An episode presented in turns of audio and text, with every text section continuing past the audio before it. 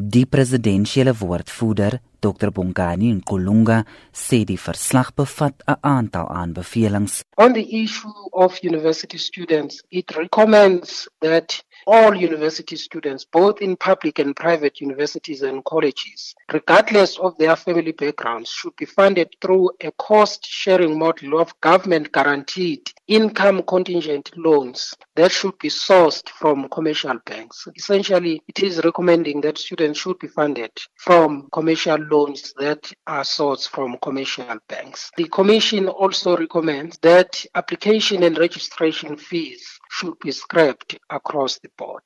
Universiteite Suid-Afrika, die liggaam wat fisiekanseliers verteenwoordig, is geskok dat president Zuma die verslag vrystel terwyl studente eksamen skryf.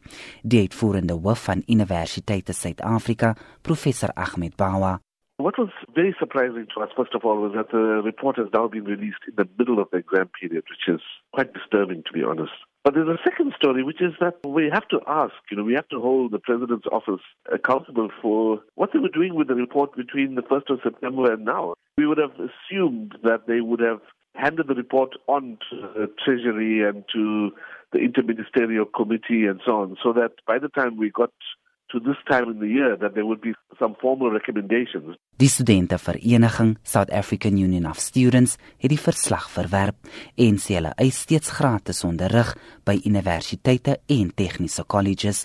Die sekretaris, Stembiso Ndlovu, sê die regering moet van vooraf begin. Therefore, there is no way we can welcome this report. But we're very clear that government must be able to introduce what you call progressive uh, education tax. Uh, the funding model that we have proposed is that all students from poor working class background must be able to be funded through education, free education.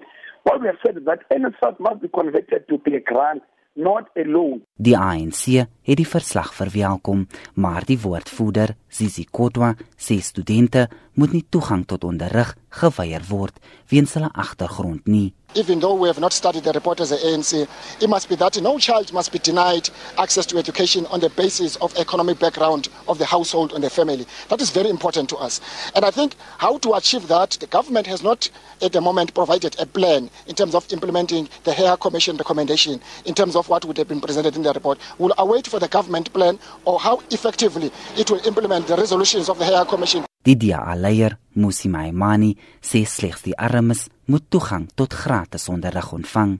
What's important to note is that we can't do things that are fiscally irresponsible. We have to ensure that poor students are able to get free higher education. But why should rich people be absolved from paying for higher education? It's a crucial dynamic that we must deal with. Therefore, if you are rich, you must pay, and poor people, the state must look after. The fact that the president has taken so many months to, in fact, delay the report shows in fact that the lack of urgency around this matter and dealing with what is a crucial issue for South Africans. Die presidentsie sê die interministeriële komitee oor hoër onderwys waarvan Chief Gadebe die hoof is en die presidentsiële fiskale komitee onder leiding van finansminister Malusi Gigaba bestudeer nog die verslag en sal die regering raadpleeg oor die volgende stap.